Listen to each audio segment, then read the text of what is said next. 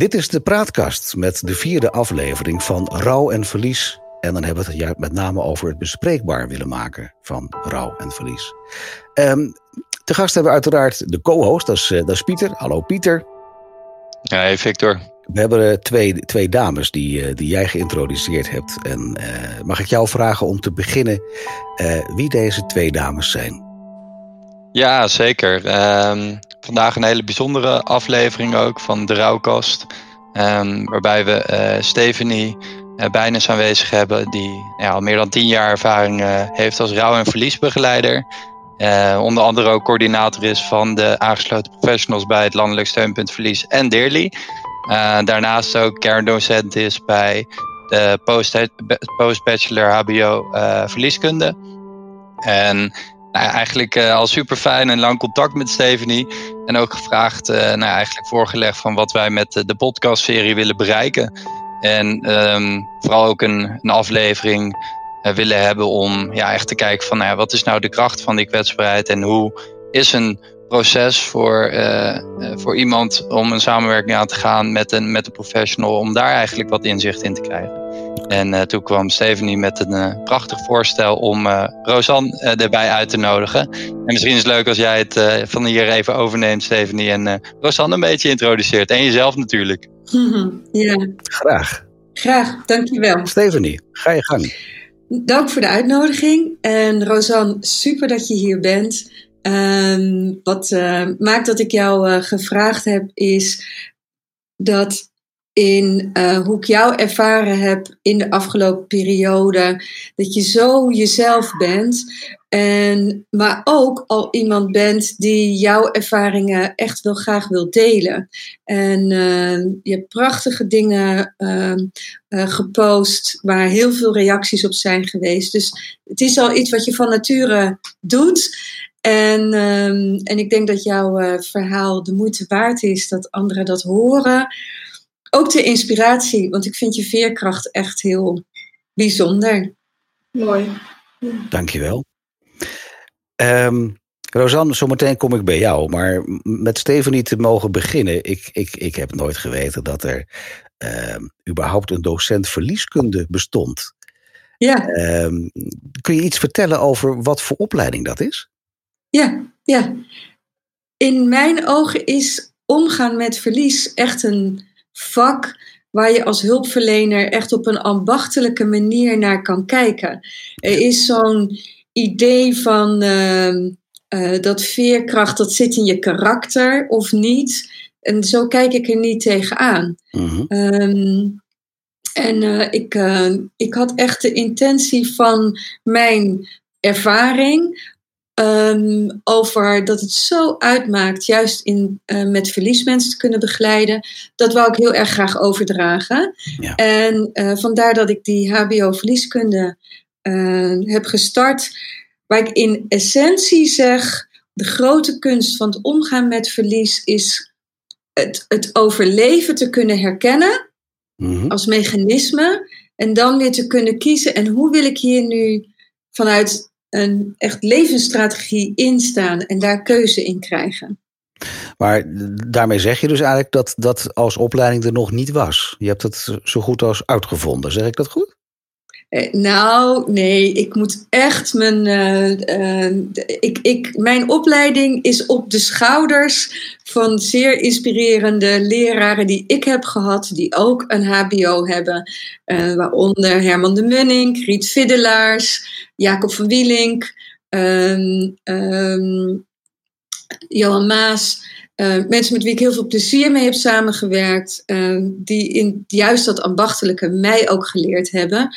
En ja, natuurlijk geef je ook weer je eigen sausje ergens aan. Ja, dat snap ik. Maar voordat ik Pieter van de Oest heb leren kennen, wist ik niet eens dat dat echt een heel vakgebied is. En nu ik jou ook ja. nog mag ontmoeten uh, als docent daarvan, notabene, dan, ja, dan is er wel wat aan de hand. Dan is het dus echt iets wat ik eigenlijk gemist heb, wat ik afgelopen 50 jaar onder de steen gelegen heb. Nou, het is heel logisch dat je dat gemist hebt. Want ik weet nog goed, toen ik tien jaar geleden met dit, mijn praktijk begon, verlies en verder. Nou, de reactie die ik gemiddeld kreeg was: uh, hoe haal je het in je hoofd? Waarom zou je dat willen doen? Dat is ja. verschrikkelijk. Ja. vandaag de dag, zijn nu tien jaar verder, als je nu in de media kijkt, heeft verlies en rouw gelukkig echt potentieel Mhm. ruimte gewonnen en dat mensen daar open over zijn. Ja. Ehm, en dat is fijn, maar dat maakt dat het vrij logisch is dat je daar nog nooit van had gehoord. Ja. Vind, je dat, vind je dat jammer dat dat in, in, in zijn algemeenheid een onbekend eh, eh, fenomeen is? Heel erg jammer. Ja, ja. Oké. Eh, en ja, dat, dat. Want wat het maakt, is, is dat verlies en rouw zo'n ehm, niet geliefd onderwerp is. Ja. Is dat iedereen er ook echt met grote cirkels omheen loopt. Mhm. Letterlijk, figuurlijk, maar ook echt letterlijk. Gemiddeld, en dat is nog steeds tot op de dag van vandaag zo, als iemand in rouw is, mensen gaan er in een grote cirkel omheen. Waarom eigenlijk? Omdat het ongemakkelijk is. Nou, dat klopt. En dat, daar gaat deze, deze rouwkast jullie ook eigenlijk over. Ja, ja. Dat, dat we dat ook met z'n allen een beetje willen veranderen. Maar het is wel ja, heel Ja. leuk om eigenlijk een docent te mogen spreken erover. maar jij wilde, Rosanne wilde je introduceren. Rosanne, Ja. eh, kun je vertellen waarom, waarom zit jij hier in deze, in deze rouwkast? Ja, nou ik zal mezelf eerst even kort voorstellen. Ik ben inderdaad Rosanne, ik ben 26 jaar. Ja. Ik heb eh, ruim twee jaar geleden heb ik mijn, eh, mijn moeder verloren. Mhm. Ehm, en waarom ik hier vandaag aanwezig ben is omdat ik, ja, denk wel één jaar, anderhalf jaar bij Stephanie ehm, ja, sessies heb gevolgd. eh, met haar gepraat heb over mijn moeder en hoe daar in godsnaam mee om te gaan. Met al het verdriet waar ik tegenaan liep, eh, paniek en alles wat erbij kwam kijken. Mhm. En eh, ja, zodoende had Stephanie mij gevraagd om, om ook bij, bij dit gesprek aanwezig te zijn. Om, om ook mijn stukje te kunnen vertellen, hoe ik dat heb ervaren. Om dat vanuit je eigen ervaring te mogen delen met ons. Ja, hey, maar wat was op het gebied van rouw? Wat was, wat was het, het, het meest in het oog springende wat je op dat moment meemaakte? ik denk voor mij dat, dat er echt heel veel tegelijk op me afkwam. Ehm, zowel verdriet, ja, ehm, heel erg veel verdriet. Maar eigenlijk de overhand nam het bij mij nog meer de angst en de paniek van... Wat moet ik hiermee? Ehm, hoe moet ik nu verder zonder mijn moeder? Ehm, wat gaat dat betekenen in onze familie? Ik heb twee broertjes en ik heb een oudere zus. Ja. Ehm, ja, ik, ik, ik wist me, ik wist me totaal geen raad met hoe ik daar... ehm, ja, hoe, de, hoe mijn leven verder zou gaan, hoe ons leven verder zou gaan zonder, zonder mijn moeder, zonder zo'n belangrijk persoon. En, Jouw vader was ook ja. in beeld? Ja, mijn vader, mijn ouders zijn altijd samen geweest en dus mijn vader was er ook. eh, En, Ja. en heb je dan het idee dat dat rouwproces voor jou als eh, dochter van een, een ander rouwproces is als dat het voor iemand die partner is van? Ja, enorm. Ik denk wel, eh, of tenminste, ja, ik weet niet of dat eh, per se ligt aan omdat ik de dochter ben en, en mijn vader partner van. Het zal er natuurlijk mee te maken hebben, maar ik denk wat ik heb ervaren is dat het ook wel een heel groot ehm, verschil is qua karakters, qua hoe je überhaupt eh, omgaat al met dingen. Bijvoorbeeld, ik ben zelf best wel een emotioneel eh, persoon, een open persoon, extravert. Ehm, dat maakt denk ik dat je sowieso op een andere manier omgaat met rouw of welke emotie dan ook. Ja. eh, dan iemand die dat dan niet is. Ehm, maar ik merkte wel heel erg een. Het grootste verschil wat ik merkte tussen mij en, en mijn vader was wel dat eh, ik er dus heel graag over wilde hebben. Ik wilde het heel graag hebben over mijn moeder. Ik wilde heel graag weten eh, hoe iedereen zich erbij voelde. En ik, ik had zoveel verdriet en dat, dat uitte ik ook enorm. Maar ehm, ja, mijn zus, mijn broertjes en mijn vader eigenlijk eh, allemaal niet echt. Dus ik vond Mhm. dat heel lastig. Dat, ehm, ik leerde dat dus steeds meer met de sessies, dat iedereen daar dus inderdaad anders mee omgaat. En dat het niet hoeft te betekenen dat als ik bij wijze van iedere dag moet huilen en daarover wil hebben, dat een ander daar minder moeilijk mee heeft. Nee. Ehm, maar dat vond ik wel heel lastig, want ja, dat, miste ik, dat stuk miste ik wel heel erg in mijn gezin, zeg maar. Hmm. En kon je dat in je omgeving wel vinden, bijvoorbeeld? Eh, had je vrienden of andere familieleden waarmee je het wel over kon hebben? Ja, ik heb wel heel veel lieve vriendinnen. ehm, waarbij er een aantal ook wel echt waren waar ik wel wat dieper ehm, en wat beter met ja, met hen dan erover kon hebben dan met mijn eigen gezinsleden. Uh, maar ik vond het ook heel lastig. Ik heb niet uh, in mijn hechte vriendengroep iemand die um, bijvoorbeeld een ouder of een um, heel, ja, een broer, zus, iemand um, heeft verloren. Dus ik, ik had, merkte dat ik ook heel snel het idee had van, ja, je begrijpt het toch niet. Dat, dat gevoel had ik best wel snel als ik met een ja, met een vriend of vriendin daarover had. Hoe lief ze ook voor me, voor me waren. Ik had toch wel vaak een soort van eenzaam gevoel van ja. Maar jullie weten niet wat ik, wat ik doormaak. Jullie weten niet hoe het is als, mijn, als je moeder er niet meer is. Um, maar mijn oma uh, heb ik bijvoorbeeld wel echt een super goede band mee. Um, die, die, die is er nog steeds ook gelukkig. Dat is dan de moeder van mijn moeder. En okay. um, daar heb ik wel redelijk vaak um, gesprekken over um, met haar, over mijn moeder, maar dan ook tot een bepaalde hoogte. Omdat zij op een gegeven moment haar verdriet dan ook niet. Um, ja, ze wil dat niet echt opzoeken of echt voelen. Dus dat stopt dan ook wel op een bepaalde hoogte, zeg maar. Precies, want het ja. is haar dochter weer. Dus het is, dat lijkt me helemaal lastig om uh, ja. vanuit, dat, vanuit dat perspectief te mogen zien. hey, maar Zeker. wist jij dat Stephanie er was? Wist jij dat er een, een, een soort hulpverlening op het gebied van rouwverwerking is? Was dat een bekend fenomeen voor je? Nee, ik had zelf um, geen idee. Um, ik moet ook heel eerlijk zeggen dat voordat uh, mijn moeder had dus uh, kanker en ze is een jaar ongeveer ziek geweest. Voor die periode is dat ook iets geweest waar ik zelf nooit überhaupt bij stil heb gestaan of over na heb gedacht, omdat ik er eigenlijk niet mee te maken had gehad. Nee. Uh, met het hele stuk uh, met iemand verliezen en verlies, uh, verdriet, de rouw. Maar um, ik had eigenlijk toen mijn moeder overleed, um, ging het bij mij al heel snel gewoon niet goed met mezelf. Mm. En toen heeft een vriendin van mijn moeder heeft mij eigenlijk gebeld, omdat een vriendin van haar weer bij Stephanie um, eerder al um, ja, de, langskwam, zeg maar. En, en, en, um, is de meest letterlijke ja, vanuit daar heb ik toen, reclame. Ja, inderdaad. Vanuit ja. daar heb ik toen te gekregen van... zou dit niet wat voor jou zijn? Zou dit niet fijn zijn? En ik wilde heel graag iemand om mee te praten over... Um, ja, hoe hier dus mee om te gaan. En ik had al best wel vaak nagedacht over een psycholoog... of uh, andere hulpverleners of mensen dus om me heen. Ja. Um, maar goed, dat is, dat is wel weer net een ander stukje dan echt het, het rouw en het verdriet. Dus voor mij was dat echt heel fijn dat uh, Stephanie op die manier op mijn pad uh, is gekomen. Ja, mooi om te horen. Um, Stephanie, nog, om, um, om, even naar jou terug te mogen komen. Um, als je het verhaal van Roseanne hoort, dan, dan, dan is dat natuurlijk vreselijk om op zo'n jonge leeftijd uh, je moeder te moeten verliezen. Um, wat kan jij nou als, als hulpverlener, of wat kan hulpverlening in zijn algemeenheid, wat kan dat toevoegen aan iemand die in rouw zit? Ja, uiteindelijk kan Rosanne het zelf het beste zeggen. Maar, ja, maar, um, maar hebben we het over, over, over één ja. casus. En ik denk dat ja. jij over, over meerdere casussen hebt. Vandaar dat ik het aan jou als professional vraag. Zeker, ja. Kijk, de, de eerste is dat um, uiteindelijk waar, uh, waar je, wat de grote uitdaging is, als je met een heel groot verlies in je leven te maken hebt, ja. is de automatische piloten, wat ik noem overleefmechanisme.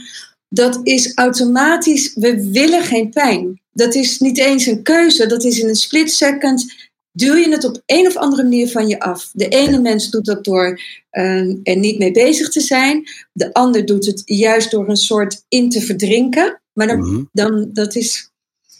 Een, een, de ander doet dat door een soort letterlijk en figuurlijk de dekens over zich heen te trekken. Ja. Uh, of heel hard. Te, dus er is een scala van reacties, maar ze zijn allemaal erop gericht om iets niet te willen voelen. Ja.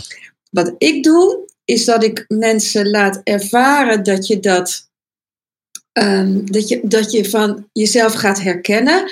En dat het, als je dat begeleid doet, dat emoties niet eng zijn, dat je ook niet gaat verzuipen um, en dat je ermee om kan gaan. Ja. Dit is de rode draad die in essentie voor iedereen geldt. Het is wel zo dat iedereen heel anders in elkaar zit. Dus rouw ziet er bij iedereen ook heel anders uit. En dan wil ik ook nog even terugkomen wat uh, Rosanne eerder deelde.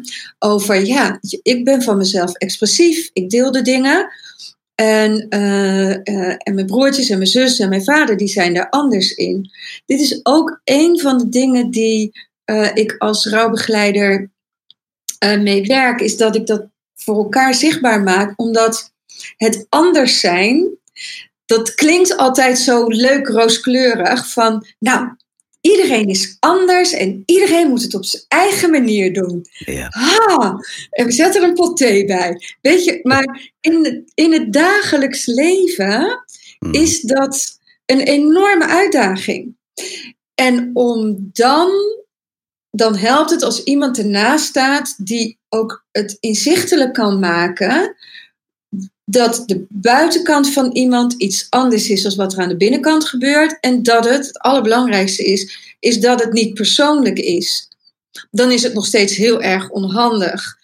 Dat, dat je soms echt, in, hè, want iedereen beweegt op en neer. Dan heeft iemand net een heel zwaar moment. Maar die ander die zegt, nou ik zie het net weer even zitten. Heb je zin om mee naar de bioscoop te gaan? Nou als je dan net een kutdag hebt, dan zeg je nou liever niet als je dan niet iemand hebt die aan de zijkant meekijkt en zegt, maar dat is echt niet omdat ze niet leuk vindt, maar dat is omdat je verschillend bent, dan, um, en dan geef ik hem ook wel weer graag terug aan jou, Rosanne, hoe, en of je iets kan vertellen hoe jij dat met je vader hebt gedaan. Um, maar in dat verschillend zijn dan toch nog elkaar kunnen vinden. En dit is een hele belangrijke in mijn werk, omdat vaak het verlies in zichzelf is al erg, maar wat heel veel gebeurt, is, is dat daarna verlies ontstaat doordat mensen elkaar niet kunnen vinden. Dus de, mijn ambitie in mijn werk is dat mensen wegen zien hoe met ze verlies om kunnen gaan, maar vooral ook niet eenzaam hoeven zijn in verlies. Nee. En dat kun je heel snel voelen. Dat is iets wat wij in, in, in de rouwkast al heel veel gehoord hebben bij de diverse afleveringen die hiervoor waren. Dat mensen zich in hun rouwbeleving vreselijk eenzaam voelen. Ja. Om bij jou, Rosanne, nog even terug te komen, want het is op zich ook een, een leuke brug naar een volgende vraag. Omdat um, jij hebt dat verdriet uh, mogen moeten delen met zowel je vader als twee broertjes, begreep ik, hè? Ja, en een oudere zus nog. En een oudere zus, sorry dat ik die ja. dan even vergeet. Uh, maar dat betekent dus ook dat jij eigenlijk, wat Stephanie ook zegt, um, vanuit diverse perspectieven naar het fenomeen rouw hebt kunnen kijken. En daar bedoel ik mee dat je enerzijds naar je vader hebt kunnen kijken, anderzijds naar uh, je oudere zus en uh, broertjes. Zeg ik nou goed of zeg ik nou weer uh, verkeerd? Je zegt het goed. Ja, ik, zeg, ik zeg het goed, gelukkig. Ik was een beetje bang aan het worden, denk ik, ik zeg het verkeerd. Um, maar dat je vanuit uit al die diverse perspectieven daarnaar kunt kijken. Kun je daar de meest in het oog springende verschillen eens opnoemen? Waar, hoe, hoe iedereen met zijn persoonlijke rouw omgegaan is? Ja, uh, bepaalde dingen die mij heel erg opvielen, of eigenlijk pas vallen hoor, moet ik zeggen. Want in die periode zelf was ik zo met mezelf bezig eigenlijk en zo met het met mijn eigen verdriet, dat ik totaal niet uh, op dat moment. Het enige wat ik toen dacht was: jullie snappen mij niet en nou, jullie hebben blijkbaar geen verdriet of jullie ja. uh, zijn er blijkbaar niet mee bezig. Maar achteraf gezien uh, is er wel een duidelijk verschil tussen. iedereen ging vrij snel weer door. dus zowel mijn broertjes als mijn zus als mijn vader met werk of school. Um, en ik voelde me daarin dus ook meteen heel anders, omdat ik merkte van. Uh, misschien ook omdat ik in de hulpverlening werk. Dus het was voor mij sowieso al best wel lastig um, op dat moment om mijn werk uh, te blijven doen. Maar um, ja, ik merkte dat ik heel erg eigenlijk de behoefte had om um, even met alles te, te, kappen. Overal even mee te stoppen. Het was voor mij te veel. Alleen maar wat vanuit... zou je het liefste gedaan hebben eigenlijk? Ehm, Als, als alles mogelijk geweest zou zijn, wat zou je het liefste gedaan hebben? In ieder geval um, was ik liever meteen gestopt met werken, wat ik toen deed. Um, ben ik veel te lang mee doorgegaan, uh, achteraf. Ik begrijp hieruit dat je ook een Ehm. tijdje uitgevallen bent dan. Ja, ik heb uiteindelijk wel uh, twee jaar in de ziektewet gezeten. En ik ben nu pas weer een uh, half jaar geleden echt begonnen met werken. Mhm. Um, dus uiteindelijk heb ik dat nog best wel lang, uh, was, ja, best wel lang aangemodderd met mijn uh, vorige baan. En ja. ik werkte met een doelgroep ook van mijn eigen leeftijd. Ja. Met veel angsten, depressies en suicidaliteit. waar ik eigenlijk allemaal zelf ook mee kampte. Dus dat was ehm, voor mij op dat moment veel te heftig. En dat, dat werkte heel averechts om daar eigenlijk nog dagelijks mee bezig te zijn. Heel begrijpelijk, ja. En vanuit huis vond ik dat dus wel ehm, lastig dat ik. Nou, vond ik dat wel lastig dat ik het gevoel had dat mijn, zeker mijn vader, um, die had zoiets van: ga nou maar weer aan het werk, want dan heb je afleiding. Zo zag hij dat. terwijl ik juist dacht van, ja, afleiding, hè, als je bijvoorbeeld werkt op een kantoor zoals hij en je bent bezig met hele andere zaken, dan kan mhm. dat goede afleiding zijn. Uh, Maar voor mij was het op dat moment helemaal geen goede afleiding.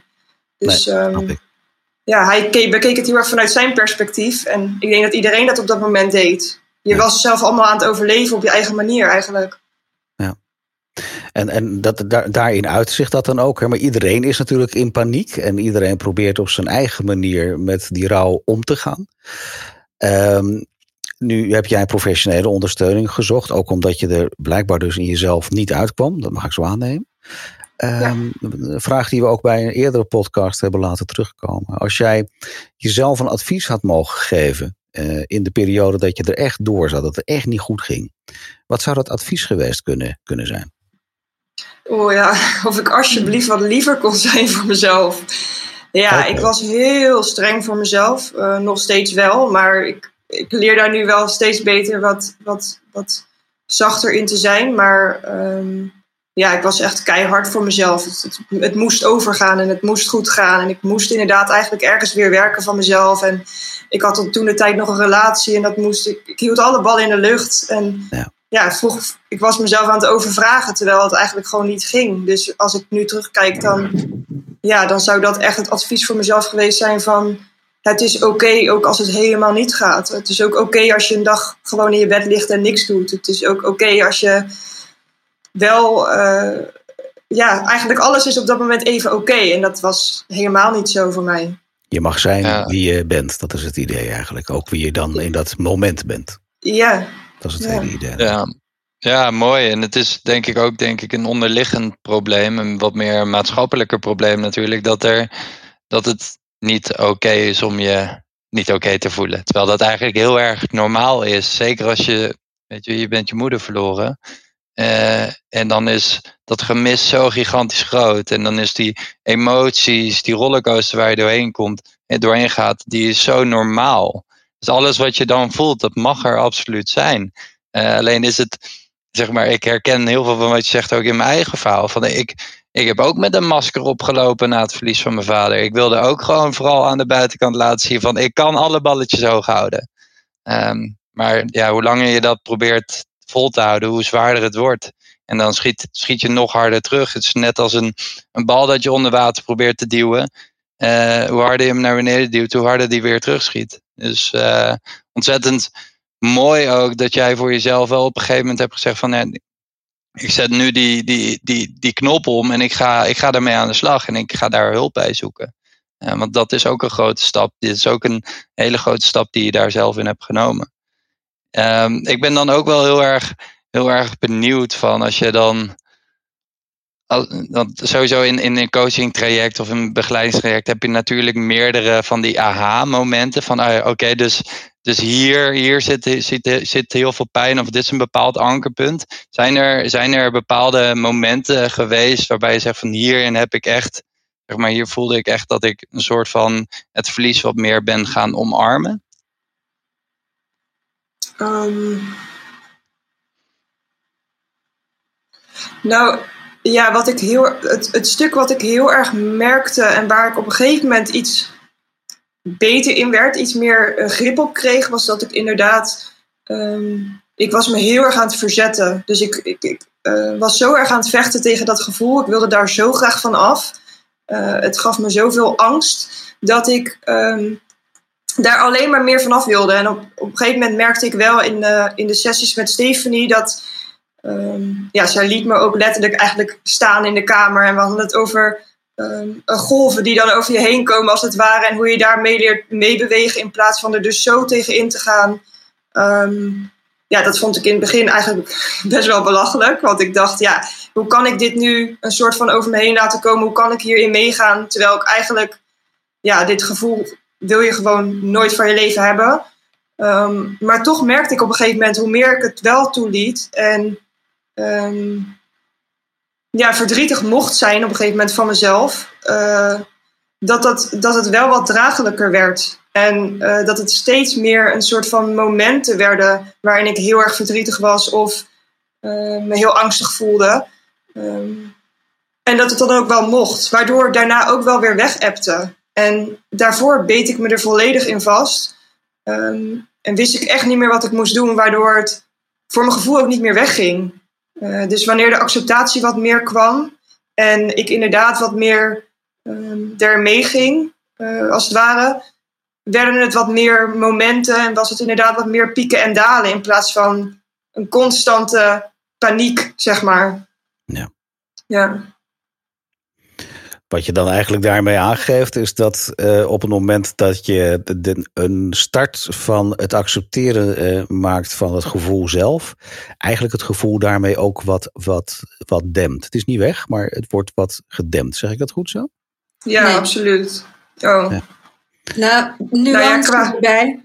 De nuance erbij is, um, wat ik al eerder uitlegde, en bij Rosanne was het paniek, maar de, bij iemand anders is, is het boosheid. Weet je, de, maar er is, er is heel vaak een soort niet willen. En ja, precies. Um, dat betekent in eerste instantie, dat, dat moment is mooi wat je omschrijft, hè, dat we echt gingen staan en dat ik je echt uitdaagde, nou voel het nou maar. Dat is in eerste instantie helemaal geen demping.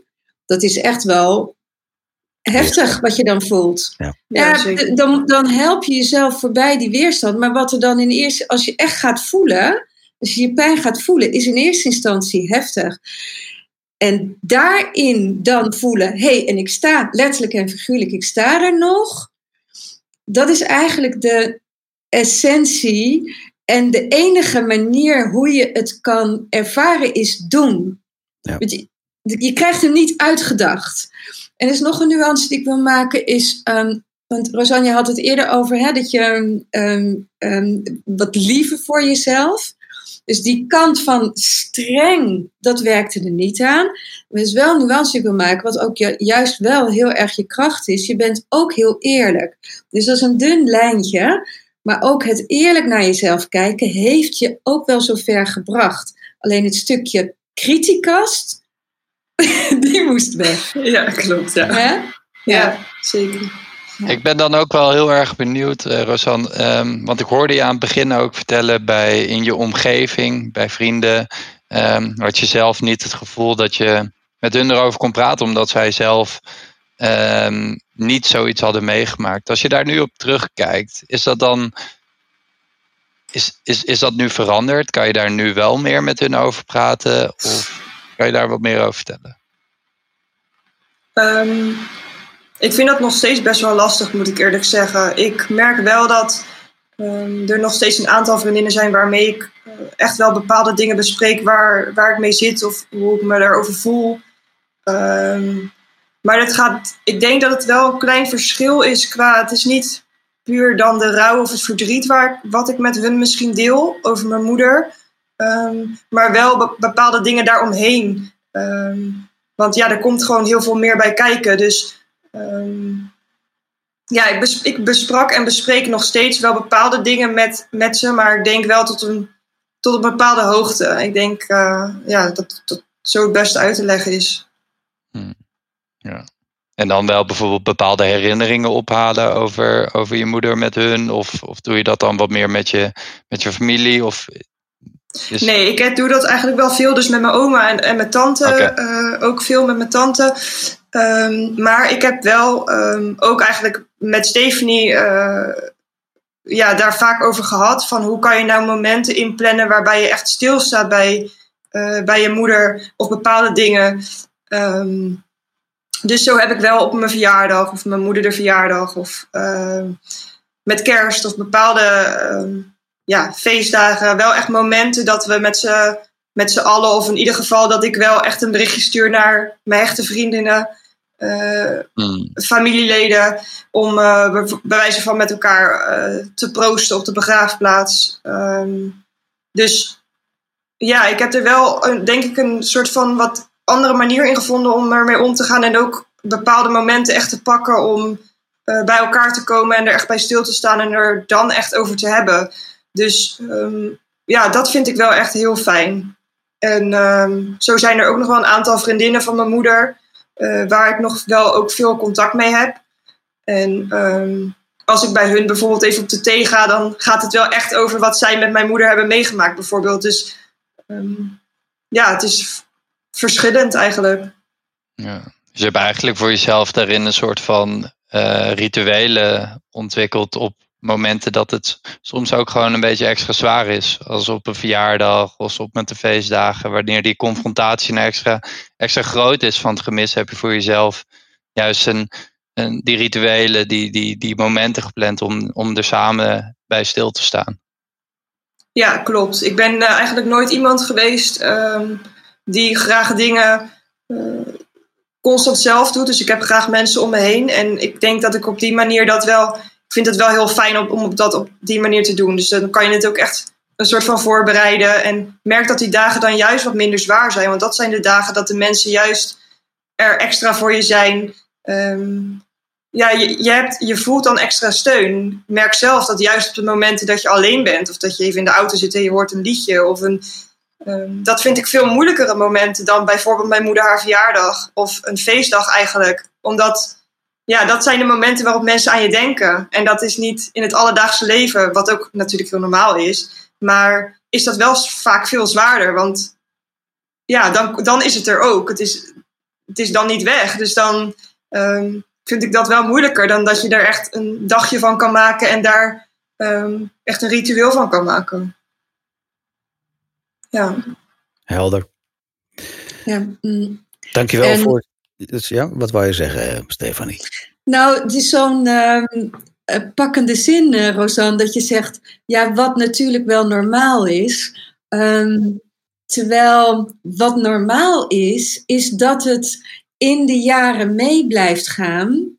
En wat niet normaal is, is het idee dat het na een jaar klaar is. Ja. En deze klinkt zo simpele en logische, maar het is zo'n hardnekkige uh, gedachtegang, omdat het gevoed is door een wens van mensen dat iets maar klaar is. We willen vink kunnen zeggen en weer door. Dat is, de, dat is een hele oerding.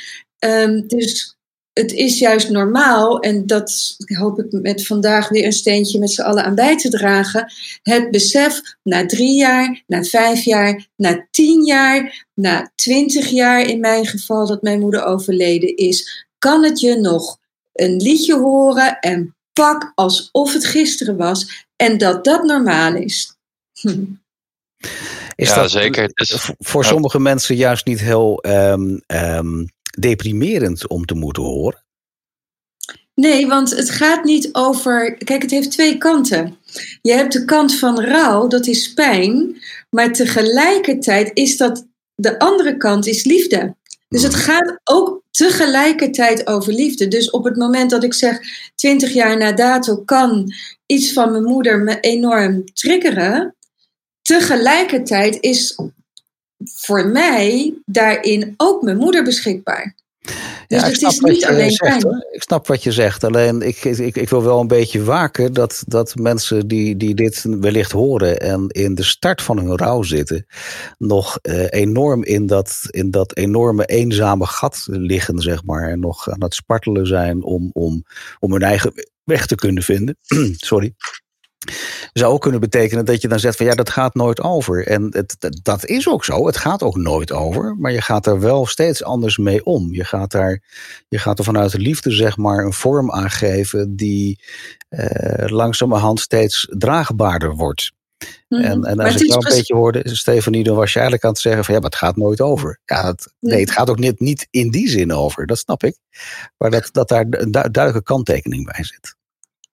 En de paradox is, eigenlijk precies zoals Rosanne het vertelt, mhm. juist doordat ze zich realiseert, twee jaar na dato, op mijn verjaardag en op kerst, is het voor mij belangrijk en, en, en, en neemt ze daar juist de aandacht voor. Dus ja. de, dat maakt het minder eenzaam. Dus ja. de paradox is, op het moment dat je snapt, hey, dit is gewoon, dan kun je je daarop instellen en dan is de daadwerkelijke ervaring geleidelijker. Dat is eigenlijk de rode draad steeds. Het is niet stap, stap, vink. Maar wat wel mogelijk is, is die, hoog, die grote dalen die er steeds komen. Doordat je het zelf beter kan, wordt dat wel rustiger. Ja. Maar het wordt rustiger. Ja, ja exact. Ja. Dus het wordt echt wel rustiger. En er is zeker perspectief. En er is heel veel moois ook. Want het maakt je ook veel bewuster over wat je echt belangrijk vindt in het leven. Ja. Um, het is alleen niet met een paar stappen klein. Nee, het is niet morgen even klak over. Nee. nee. Um, tegelijkertijd mag ik een beetje samenvatten dat, dat het ook een, een, een uh, dat zei Pieter voordat we met deze opname starten al, de kracht van kwetsbaarheid. Hmm. Bij ons staat een, staat een training online die zo heet. Ja, vanwege corona mag die training al geen tijden meer uitgevoerd worden. Maar die gaat ook een beetje over dat je dat op het moment dat je, dat je bereid bent om naar je eigen angsten te kijken, om naar je eigen verdriet te mogen kijken, dat dat moment eigenlijk een moment van kracht is. Zeg ik dat goed, Rosanne? Ja, zeker. Ja. Ik. Um ik merk wel echt, eh, of ik heb echt gemerkt dat op het moment dat ik er heel ehm, open over ging uh, spreken, en niet alleen in mijn echte vriendengroep en familie, maar ook ehm, op Facebook wel eens wat deelde, ehm, ja. dat ik echt zo ontzettend veel reacties kreeg en zoveel mensen mij berichtjes stuurden ook met, wow, dat, daar loop ik ook echt enorm tegenaan. En dan niet ja, dan doe ik niet alleen op het stuk echt van alleen het verlies of het, of het, verdriet, maar um, zoveel meer. Je krijgt zoveel last, of ik kreeg heel veel last van bepaalde nare gedachten, negatieve uh, gevoelens, um, ja, je toekomstperspectief, uh, allerlei doelen die je wel of niet wil behalen. En um, ja, dat, door dat, dat, dat op te schrijven en te delen, ja, dat, dat gaf mij echt ja, het gaf mij heel veel dat, dat ik zoveel reacties kreeg en er met gesprekken over had met mensen. Dat je erachter komt dat er zoveel meer mensen zijn die last hebben van uh, ja, allerlei gedachten en gevoelens. En of die eventueel ook wel iemand hebben die in een omgeving ziek is of iemand verloren zijn en daar eigenlijk niet echt over durfde te praten. En dat, nee. ja, dat, die gesprekken waren wel daar, ja, werden wel heel mooi daarna. En ook weer nieuwe mensen leren kennen in mijn omgeving die uh, ja, waar je dus weer een hele andere band of vriendschap mee hebt. Door wat je hebt meegemaakt eigenlijk. Ja. ja, en zou je dan ook zeggen dat juist door die kwetsbaarheid, doordat je dat met elkaar deelt, dat, dat je ook ergens juist een nog veel diepere band met iemand kan opbouwen? Ja, zeker. Ik denk, um, ja, als ik kijk naar, naar mezelf, en ik was 24 toen, toen mijn moeder dan overleed, ik ben nu 26 ja, ik heb, ik heb wel echt met, met leeftijdsgenoten die bepaalde dingen hebben meegemaakt of ergens in een bepaald proces zitten. Ehm, ja, wel hele andere gesprekken en hele diepe, diepe connecties. Ehm, ja, die je misschien ook, dat weet ik niet, maar die je misschien ook alleen kan hebben door ergens echt doorheen te, moet, te moeten zijn gegaan en, en echt naar jezelf te moeten gaan kijken. Um, doordat je, dat er zoveel op je af is gekomen, ehm, ja, dat levert wel echt een andere, een andere connectie op, denk ik. Ja, een uh, veel, veel warmere binding, uh, dat zet ik mij zo voor daarbij. Ja, maar ja, vooral veel puurder. Het, het, is, het is gewoon echt, het gaat, uh, het gaat echt over dingen waar je over nadenkt als je in bed ligt en wat je grootste angsten zijn. En het zijn geen dingen die je normaal gesproken snel bespreekt. Ehm, maar als je bepaalde dingen hebt meegemaakt, allebei, en, en dan een gesprek voert, dan ehm, ja, komen er gewoon hele andere dingen naar voren. Wat ik echt heel mooi vind. Ja. Terecht. Ja. ja. En het laat ook maar, ook maar zien dat, dat. Ik zie het ook als jij er nu over vertelt. Dan zie ik ook gewoon die, die, die kracht die dat uitstraalt. En laat zien van wat dan echt de waarde is. Ook voor iedereen, weet je wel, die natuurlijk. Uh, eh, in een rouwproces zit, een dierbaar is verloren, maar ook een bredere vorm van rouw, dat juist die, die, die kwetsbaarheid laten zien aan andere mensen jou ontzettend kan helpen in het rouwproces en voor die verbondenheid zorgt. Ik, ik ben ook wel heel erg benieuwd, Rosanne. ik hoorde Stephanie in het begin aangeven van dat jij bezig bent om ook ja, eigenlijk hier zelf um, meer open over te zijn, meer uh, eigenlijk betekenis aan te gaan geven. En hoe, ik ben heel erg benieuwd, hoe, hoe ben je daar voor jezelf mee bezig? Ja, ik, um, ik ben wel bezig met een, uh, met een Instagram op te zetten. Um, ik, heb, um, ik heb gemerkt dat ik het echt heel fijn vind en goed in ben om, om uh, stukken te schrijven over wat ik voel of over wat ik meegemaakt, wat ik denk. En ja, door wat ik net vertelde, door dat af en toe al wel eens op Facebook of, of iets dergelijks te delen, uh, merkte ik dat er eigenlijk zoveel ja, vraag naar is, is, is, is, misschien apart. Maar er zijn zoveel mensen die, die er toch wel behoefte aan hebben om, om, om dingen te delen, dat soort dingen te delen met, met iemand die dat dus ook zo ervaart of op een bepaalde manier ervaart. Dus um, ja, ik, ik, ik denk dat ik via social media uh, de, die, uh, die verbinding wel veel meer wil gaan opzoeken door uh, ja, echt pure dingen te, te kunnen posten en te vertellen en daardoor het gesprek te kunnen aangaan met elkaar. Um, en ik heb nu ook wel, als ik erover nadenk in mijn werk. Ik ben nu een half jaar geleden begonnen weer met, uh, met werken. Dus na eigenlijk best wel uh, ruim een, jaar thuis te hebben gezeten. Um, ik werk nu in de ouderenzorg. Um, en als coördinator. En als coördinator merk je dat je veel gesprekken hebt met familieleden. En natuurlijk ook met de ouderen zelf. Maar de familieleden zetten, willen vaak hulp aanvragen voor hun vader of moeder. Uh, om, om te kijken van hoe, uh, hoe zo fijn mogelijke uh, ondersteuning te krijgen. En ik merk ook in dat soort gesprekken met familieleden en anderen in die omgeving dat dat ik het echt heel fijn vind om daar goed over na te denken, mee te denken over hoe je, uh, ja, hoe je, dat, hoe je dat inzet. En ook die mensen hebben al een. Um, ja, zijn daar dan ook al veel mee bezig van met dat laatste stukje. En ik merk op mijn leeftijd dat uh, veel. Dat, ja, er zijn niet uh, in het bedrijf veel mensen die jong zijn die dat soort werk doen. Maar ik merk doordat wat ik heb meegemaakt, dat ik toch wel die verbinding dus snel uh, vind met, um, met familieleden en kennissen. En dus ook in mijn werk. Dus um, ja, dat vind ik ook wel iets heel moois. Dat ik dat nu ook op deze manier kan inzetten. Terwijl ik eigenlijk altijd dacht dat ik met jongeren wilde werken en dat ook deed. En nu een hele andere switch heb gemaakt. Ja, door toch uh, um, daar veel meer over na te gaan denken op een andere manier de afgelopen twee jaar. Ik, uh, ik vind het mooi, Rosanne, hoe je, hoe je vanuit die ontwikkeling praat. En uh, ik begreep dat jouw relatie ten einde is. Dat, heeft de dood van je moeder daarmee te maken gehad? En de rouw die daarop volgde?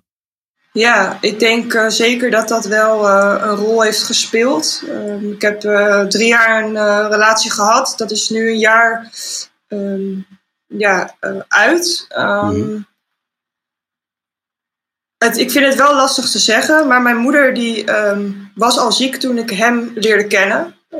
Ja. Ik had ook wel uh, het ik heb ook het gevoel dat ik toen al wel een stukje mezelf kwijt was. Ik weet ook niet meer of ik toen helemaal mezelf was op dat moment. Um, maar ik, ja, het laatste half jaar zijn wij gaan samenwonen van onze relatie. Dus dat is anderhalf jaar geleden. Mm -hmm. En in dat half jaar is dat, uh, werkte dat toen echt niet. En ik denk wel dat uh, dat was voor mij op dat moment wel denk ja, echt het moeilijk, de moeilijkste periode. En um, ik vond het heel moeilijk om, uh, omdat ik me al best eenzaam voelde in het, in het verdriet. En ik vond het heel moeilijk om dat, om dat te delen. En ik had gewoon heel vaak het idee dat hij mij daarin niet kon begrijpen. Nee. Um, en ja, niet op een goede manier kon steunen in ieder geval. Um, maar ik denk wel dat er ook andere dingen meespeelden waardoor het uiteindelijk dan niet werkt. Uh, dus ik denk niet dat het alleen daarmee te maken heeft, maar um, ja, het heeft wel een, een rol gespeeld. Ja. Nou ja, dat, dat, daarom kom ik er even op, omdat je nu eigenlijk vertelt van joh, in mijn werk daarin in, ja, merk ik dat ik vanuit een heel ander perspectief naar mensen kijk, naar relaties kijk, maar ook naar rouw kijk, want daar gaat het eigenlijk om. Daar gaat deze podcast hier ook over.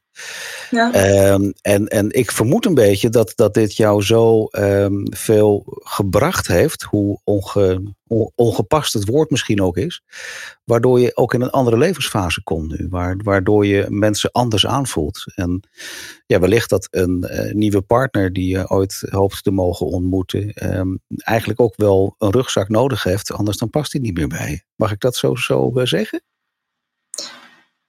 Ja, ik, ik denk wel dat het zo is dat doordat je bepaalde heftige dingen meemaakt, dat je wel als persoon inderdaad misschien sneller groeit of een groeiproces doormaakt dan een ander op, op mijn leeftijd. Waardoor je inderdaad sneller. Uh, ja, ik denk dat in een relatie is natuurlijk belangrijk dat je samen toch een beetje dezelfde kant op groeit. Uh, maar als je totaal allebei een andere weg aan, aan het bewandelen bent, uh, is het inderdaad wel, denk ik, heel lastig om, om dan weer bij elkaar te, te komen, elkaar te vinden. En, en dat was inderdaad bij ons zeker wel het geval. Ik denk wel dat het altijd al wel een bepaalde, op de een of andere manier een bepaalde afstand was. Maar doordat ik me steeds meer aan het ontwikkelen was op zelfontwikkeling en wat ik echt wil in het leven. En dat hij daar nog helemaal niet mee bezig was. Bij mij werd het alleen maar meer, bij hem totaal niet. Dus inderdaad, ik denk dat dat wel zo is dat we ja, ik daardoor veel sneller ging met bepaalde dingen dan, dan, dan hij. Waardoor je niet meer echt kan levelen met elkaar, echt, echt kan matchen. Ja, ja dan, dan, dan benoem je precies waar ik eigenlijk heen wil. Ja. Dankjewel. Ja. Dankjewel voor jouw openheid ook bij deze. Um, nog een laatste vraag aan jou, Stefanie. Uh, jij bent uh, docent verlieskunde en, en dat doe je al enige tijd, mag ik zo aannemen. Mm -hmm. En dan komt een vraag in me over. Doe je ook nog wel eens leuke dingen? Juist. Juist. Nee, echt. Mensen die hebben echt, uh, die, uh, die me een beetje kennen van. Uh, ik heb echt een heel rijk, fijn, mooi, sociaal leven. ik hou enorm van dansen, naar buiten gaan, natuur. ik heb twee prachtige dochters, Isis en Evita. Een hele grote vriendenkring. En ik zeg echt met name juist. Want het, het maakt, als je bezig, wat ik net zei, het van die hand, van, het heeft twee kanten. Als je met ja. rouw bezig bent, dan, dan word je er op soort elke, iedere dag in dag uit. Maar wat is nou echt belangrijk? Waar gaat het me nu om? En dat is ook juist genieten van het leven. Juist, uh, en daar ook weer energie uh, aan opdoen. En um, nou ja, zoals mensen bij mij altijd wel zeggen, het is nooit saai bij jou. Nee, daar kan ik me van alles bij voorstellen. Ja. Rosanne ja, en het is denk ik ook die, die, die veerkracht, toch? Die je elke keer, die, die elke keer ook weer ziet in mensen. Weet je, je dat je zo, door zo'n diep dal ja. heen gaat en toch die, die veerkracht elke keer weer ziet, dat, dat geeft ook zo'n energie. Dat kan ik me heel ja. goed voorstellen. Ja, dat is zo mooi. Ja, en, en, dat maakt het voor jou helemaal waard waarvoor je het doet, hè? denk ik, Stefanie. Totaal. Daarvoor, daarvoor doe je het. Ja. ja. Mag ik jullie heel hartelijk danken voor jullie bijdrage aan, uh, aan uh, de Rouwcast. En uh, mm -hmm. Rosanne, dank je wel voor je openheid. Graag gedaan. ik, ik hoop dat veel mensen hiernaar geluisterd hebben of gaan luisteren. Om even te horen wat, wat daar de mogelijkheden zijn. Dank jullie wel. Yes. Dank jullie wel. Dankjewel. Dank.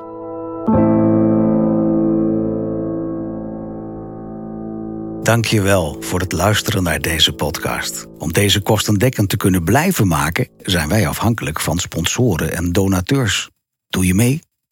Want als we verder willen groeien, en dat willen we, dan hebben we jouw steun hard nodig.